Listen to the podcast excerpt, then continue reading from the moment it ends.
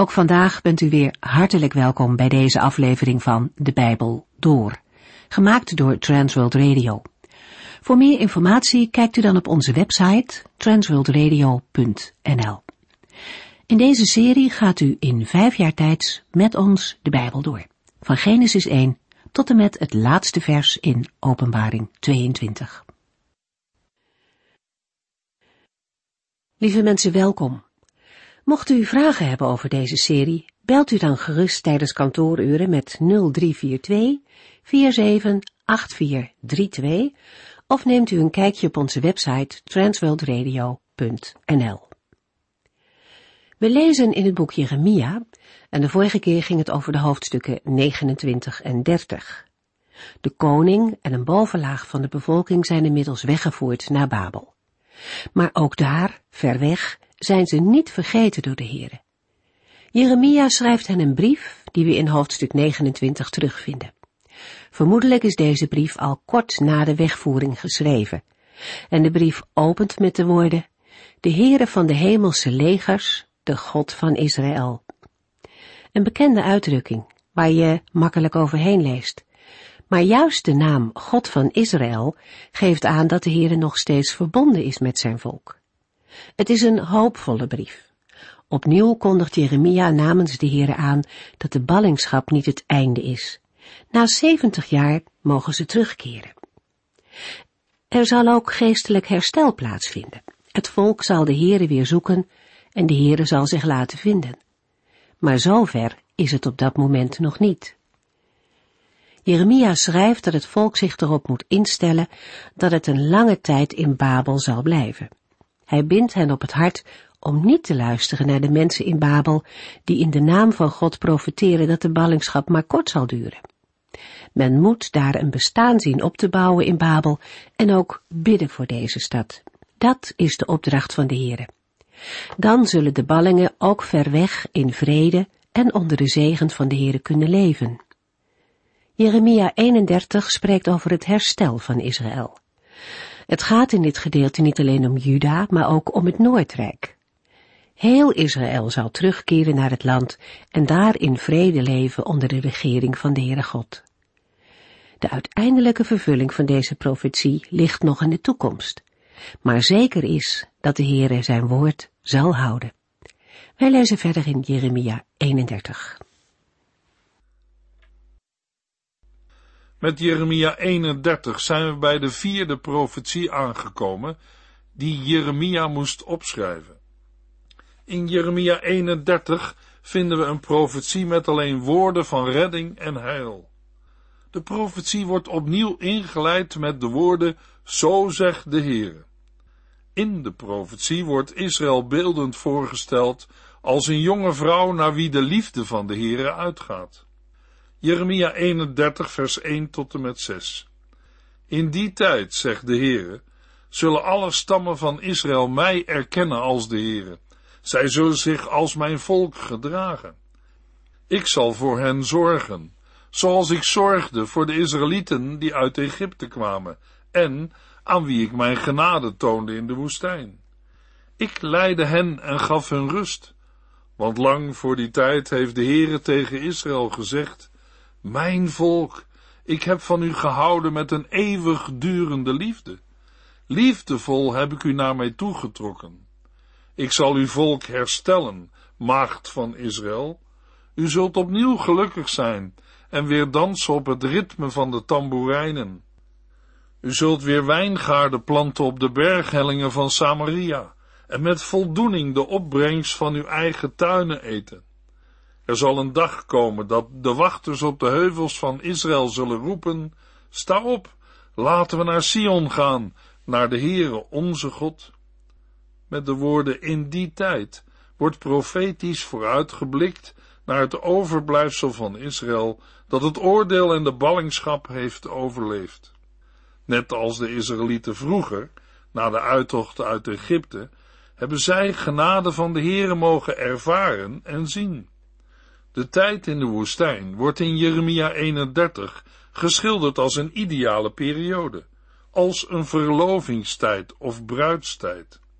De Heere zegt, ik leidde hen en gaf hun rust. Zo zullen de Israëlieten, de rest die is overgebleven na de ballingschap, opnieuw Gods leiding en rust ervaren. De slotwoorden vormen een omkering van de verbondsvloek. In de ballingschap zal Israël geen rust vinden, maar daarna wel, want de omkering betekent verbondsherstel en een gaan naar de rust van het beloofde land. In vers 3 herinnert de Heere zijn volk eraan hoe hij van hen gehouden heeft met een eeuwigdurende liefde. De woorden staan met nadruk vooraan in de zin. De Heere trok het volk met zijn verbondsliefde naar zich toe. Deze oneindige liefde vormt de basis voor het herstel. Opnieuw zal de Heere Israël herstellen en zal de maagd van Israël worden opgebouwd. Het eerste wijst op de wederopbouw van het gebied. Het tweede op een opnieuw bewonen van het beloofde land. Opnieuw zal Israël zich mooi maken en uitgaan met muziek en rijdans, een beeld dat getuigt van grote vreugde. Opnieuw zal Israël wijngaarden planten op de berghellingen van Samaria. Ook de vermelding, u zult weer met voldoening de opbrengst van uw eigen tuinen eten, vormt een omkering van de verbondsvloek uit Deuteronomium 28. Het geschetste perspectief spreekt van een hersteld volk dat leeft onder Gods zegen. Deze profetie is in de periode na de ballingschap niet vervuld, want toen was er alleen een kleine provincie Jehud en Samaria viel daarbuiten. Ook in de tijd van het Nieuwe Testament was Samaria gescheiden van Judea. In onze tijd is er wel wijnbouw in Samaria, maar de overige aankondigingen wijzen op een vervulling in de toekomst. In Jeremia 31 wordt Israëls toekomstig herstel beschreven met allerlei verwijzingen naar de Exodus, zodat het herstel als het ware een nieuwe Exodus vormt. Dit gebeurt vaker in profetieën, vooral in Jesaja 40 tot en met 55. In het Nieuwe Testament wordt het verlossingswerk van de Heer Jezus Christus soms beschreven in woorden die naar de Exodus verwijzen. In Jeremia 31 vers 7 tot en met 14 lezen we de vijfde profetie uit de boekrol met troostwoorden. Omdat over Israël wordt gesproken, ligt het voor de hand dat de oproep ook is gericht tot heel de aarde, wat ook blijkt uit vers 10. Zing blij over Israël, want de Heere heeft zijn volk en de restanten van Israël gered. Daarbij is concreet gedacht aan een terugkeer uit de ballingschap. Maar het verzameld worden uit de verste hoeken van de aarde roept ook gedachten op aan de verbondsvloek. In Jeremia 31 is de vloek omgekeerd als teken van verbondsherstel. Kwetsbare groepen die op eigen kracht onmogelijk kunnen terugkeren, blijven niet achter. De Heere brengt hen terug naar het beloofde land. Het zal een grote menigte zijn die terugkeert. De Heere zal hen langs stromende beken doen trekken, zonder te struikelen. Het beeld spreekt van de grote zorg die de Heere voor zijn volk aan de dag legt. Maar deze liefdevolle zorg komt vooral tot uiting in de woorden, want ik ben een vader voor Israël, en Ephraim is mijn oudste zoon. De woorden zijn nauw verwant met de verbondsbelofte en de belofte aan David.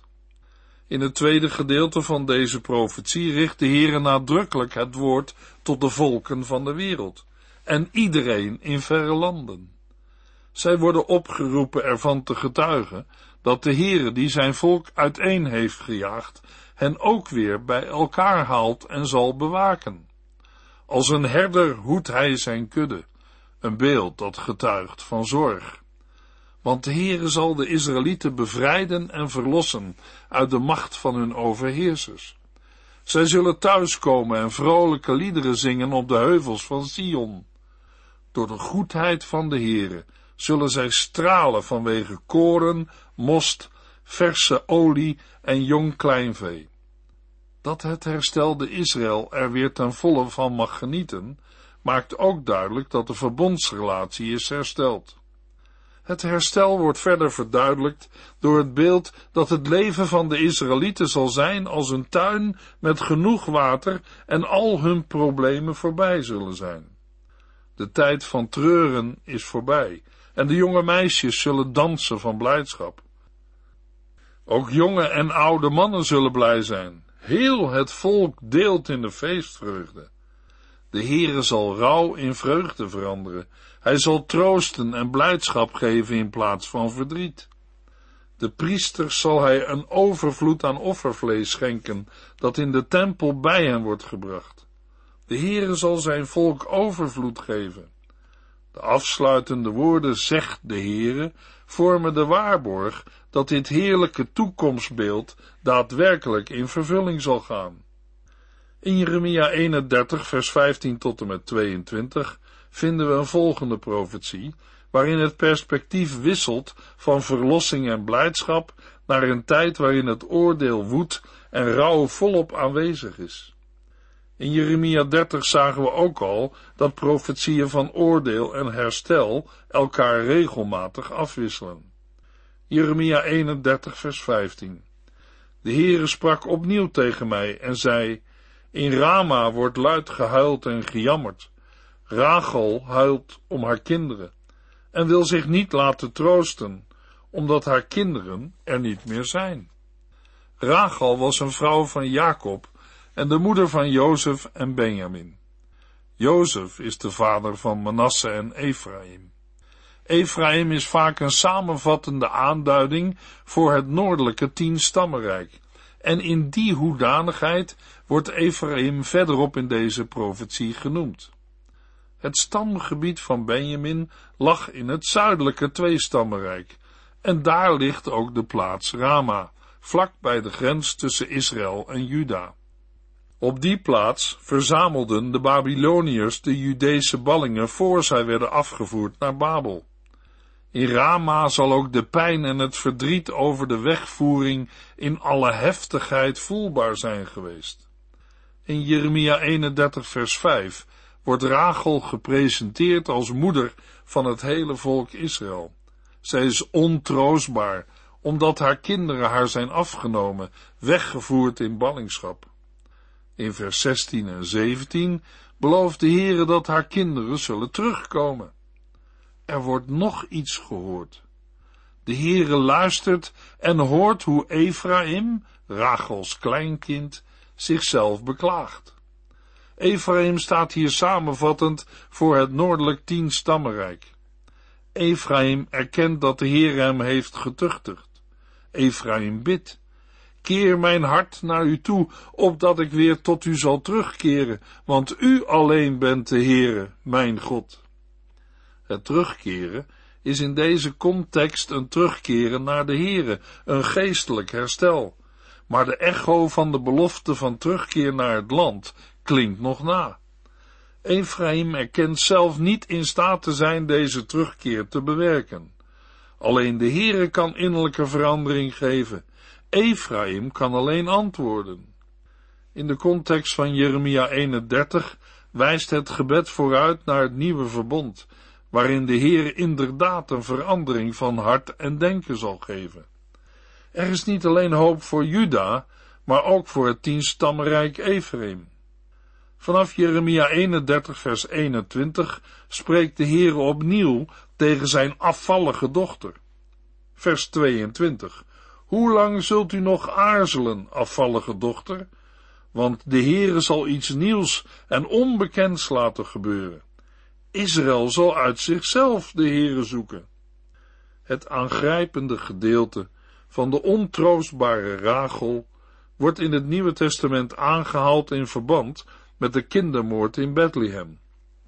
De bittere rouwklacht van de moeders van Bethlehem vermengt zich als het ware met die van hun aartsmoeder Rachel en vormt zo een teken dat de gehoopte verlossing nog op zich laat wachten.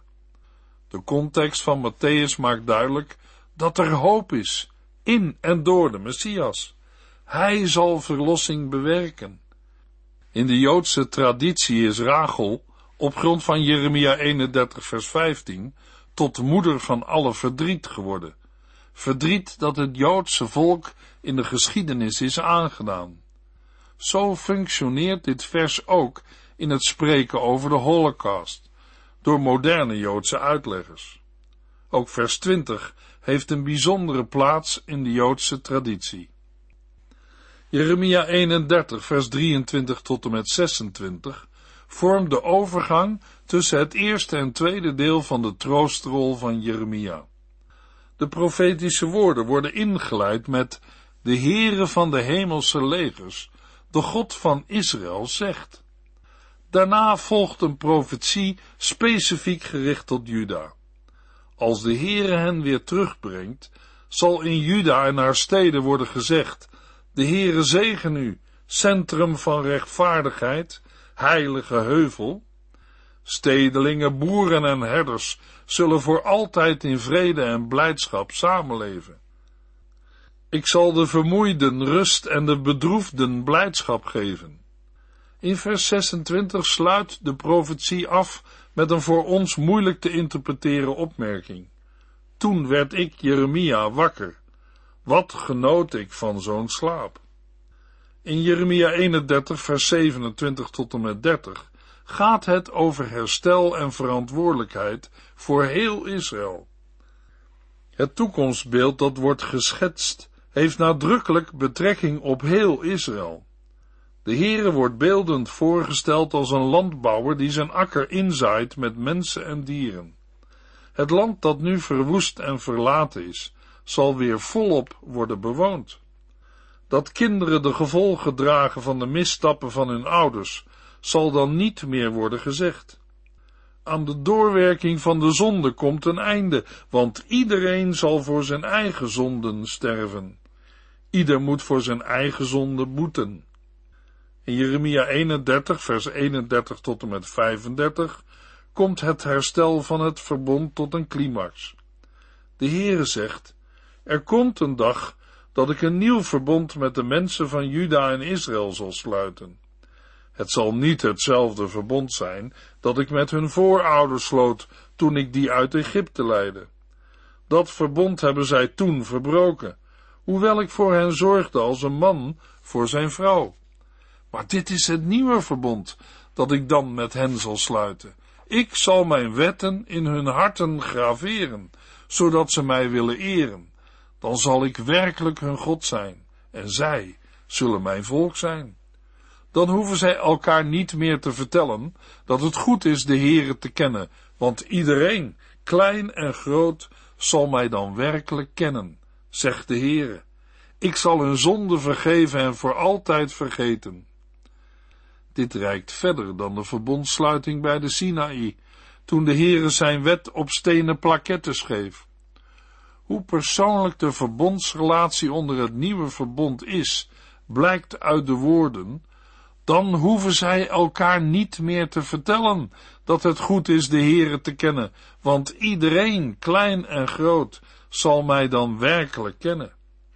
Wat een genade, als een mens van de Heere mag horen, ik zal hun zonde vergeven en voor altijd vergeten. Dan is er van ongerechtigheid geen sprake meer. De Heere heeft de zonden vergeven. Het Nieuwe Testament maakt duidelijk dat het nieuwe verbond begonnen is in de dood en opstanding van Christus. De Heer Jezus maakt dat duidelijk in de instellingswoorden van het avondmaal. Maar er blijven nog veel aspecten van Jeremia 31 onvervuld, zodat we die later mogen verwachten. Na de belofte van het nieuwe verbond volgen nog twee profetieën. De eerste lezen we in Jeremia 31, vers 35 tot en met 37, en maakt duidelijk dat de Heere zijn volk nooit zal verwerpen. Jeremia 31, vers 35 en 36. Dit zegt de Heere, wiens naam is Heere van de hemelse legers.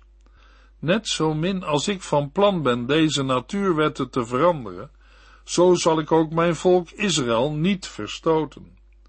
De tweede profetie lezen we in Jeremia 31, vers 38 tot en met 41, en gaat over het herstel van het land. Deze slotwoorden van de rol met troostprofetieën kijken opnieuw naar de toekomst, de tijd waarin het voorzegde herstel aanbreekt. Dan zal Jeruzalem voor de Heere herbouwd worden. Het beschrijven van de omtrek van de stad maakt duidelijk dat heel de stad in zijn volle omvang herbouwd zal worden en zo in ere wordt hersteld. Het herstelde Jeruzalem zal blijven bestaan. Het Bijbelboek Openbaring kijkt vooruit naar het nieuwe Jeruzalem dat op de nieuwe aarde zal zijn. Zo ziet het slot van het troostboek vooruit naar de toekomst, waarin het herstel dat met de komst van Christus is ingezet tot voltooiing zal komen. In Jeremia 32 zit Jeremia in de gevangenis en wordt Jeruzalem belegerd door Nebukadnessar. Toch koopt Jeremia een stuk grond in Anatoot. Jeremia 32 vers 1 en 2. De volgende boodschap kreeg Jeremia van de Heer in het tiende regeringsjaar van koning Sedekia van Juda. Dit jaar was tevens het achttiende regeringsjaar van koning Nebukadnessar. Op dat moment zat Jeremia gevangen in het gebouw van de paleiswacht, een bijgebouw van het paleis, terwijl de stad werd belegerd door het Babylonische leger. Jeremia 32 staat ingeklemd tussen twee verzamelingen van profetieën die vooruitblikken over het oordeel heen naar de tijd dat de Heere zijn volk zal verlossen en herstellen. Deze plaatsing maakt duidelijk in welk licht de aankoop van het stuk grond gezien moet worden. Het is een handeling met profetische betekenis. De handeling wijst vooruit naar de tijd dat het voorzegde herstel gerealiseerd zal worden. Net als de profetieën in de omliggende hoofdstukken loopt Jeremia 32 uit op de aankondiging van een nieuwe verbondsluiting. De gebeurtenissen spelen zich af in het tiende regeringsjaar van Sedekia, de koning van Juda, en dat is het achttiende jaar van de regering van Nebukadnessar, de koning van Babel. Het leger van Nebukadnessar had in die tijd het beleg om Jeruzalem geslagen. Een jaar eerder was het beleg om Jeruzalem begonnen. Weliswaar werd het beleg voor een korte tijd opgeheven, maar inmiddels was het weer in volle gang. Tijdens de korte onderbreking van het beleg was de profeet Jeremia gevangen genomen en werd hij in bewaring gehouden in de gevangenis van het koninklijk paleis, waar hij uiteindelijk zou blijven tot de val van Jeruzalem. Vermoedelijk heerste er in het paleis een wat minder streng bewind, wat ook tot uiting komt in het gegeven dat Jeremia bezoekers kon ontvangen en een officiële koop kon sluiten. De profeet mocht niet weggaan, maar had blijkbaar vrijheid van handelen. Als reden voor zijn gevangenschap wordt de inhoud van zijn profetieën genoemd. Jeremia's woorden worden in de versen 3 tot en met 5 uitgebreid geciteerd. De Heere zal Jeruzalem overleveren aan de koning van Babel, en hij zal de stad innemen. Ook Sedekia zal niet ontkomen, want de Heere zal hem in de hand van de koning van Babel geven. De twee koningen zullen persoonlijk met elkaar spreken en oog in oog met elkaar komen te staan. Sedekia zal worden meegevoerd naar Babel, waar hij zal blijven tot de Heere zich over hem zal bekommeren. Na de uitleg van de situatie volgt in vers 6 en 7 het spreken van de Heere. Het gaat in dit geval om woorden die persoonlijk tot Jeremia zijn gericht en die hem duidelijk maken hoe hij moet handelen in de situatie die op hem af zal komen. De Heere zegt Jeremia dat zijn neef Ganamel, de zoon van zijn oom Salem, naar hem onderweg is om hem te vragen zijn grond of akker in Anatoot te kopen, omdat Jeremia het recht van lossing heeft. Het lossingsrecht was bedoeld om te voorkomen dat het land van een verarmd familielid in vreemde handen zou komen. Want het land is het land van de Heere. Hij heeft het aan zijn volk gegeven als vervulling van zijn belofte aan de aartsvaders. Landbezit is dan ook een teken van het verbond en geeft het grote belang van het behoud van het familiebezit aan. Kennelijk is Ganamel in zo'n grote armoede vervallen dat schuldeisers zijn land in beslag dreigen te nemen. Doordat alles precies zo gebeurt als de Heere heeft gezegd, weet Jeremia dat hij de akker moet kopen. Hij doet wat maar weinigen in zijn situatie gedaan zouden hebben. Hij zit immers gevangen in een belegerde stad en is ervan overtuigd dat stad en land in vijandelijke handen zullen vallen. Jeremia koopt de akker in Anatoot van zijn neef Ganamel. In de versen 10 tot en met 12 wordt de koop zelf in detail beschreven, met de gangbare gebruiken. Barig moet het contract zo opbergen dat het lange tijd in goede staat blijft. Er komt een tijd dat de ballingschap voorbij is en in Juda het gewone leven weer verder gaat. Wanneer die tijd aanbreekt, zal ook Jeremia's koopcontract zijn waarde hebben. De aankoop van een klein stukje grond bij Anatoot grijpt vooruit op een hernieuwde vervulling van de landbelofte, wanneer de Heere na het oordeel herstel geeft. Er is hoop voor Juda. In Jeremia 32, vers 16 tot en met 25 lezen we een gebed van Jeremia. De reden waarom Jeremia de Heere zoekt, is ingegeven door twijfels over het nut van de koop. De Heere gaf de opdracht om de grond te kopen, maar begrijpen doet Jeremia het niet. Toch begint de profeet zijn gebed met een lofprijzing aan de Heere. Ondanks ongehoorzaamheid en het onontkoombare oordeel gaat de Heere zijn weg met Israël. In Jeremia 32, vers 26 tot en met 44 lezen we het antwoord van de Heere. De Heere laat in zijn antwoord zien dat voor hem niets onmogelijk is. Jeremia 32, vers 42. Net zoals ik al deze ellende over hen heen heb laten komen, zo zal ik nu al het goede doen wat ik heb beloofd. In de volgende uitzending lezen we Jeremia 33 tot en met 36. U heeft geluisterd naar De Bijbel Door, in het Nederlands vertaald en bewerkt door Transworld Radio. Een programma waarin we in vijf jaar tijd de hele Bijbel doorgaan. Als u wilt reageren op deze uitzending of u heeft vragen, dan kunt u contact met ons opnemen. Tijdens kantooruren kunt u bellen op 0342 47 8432 0342 47 8432. Ook kunt u een e-mail sturen naar de transworldradio.nl en natuurlijk kunt u ook via de post ons bereiken. TWR, postbus 371, postcode 3770, AJ in Barneveld. Dit programma werd gepresenteerd door Cor Weda en Ike André. Techniek was in handen van Odin van Voerkom. En wij allemaal bedanken u voor het luisteren. Graag tot de volgende keer.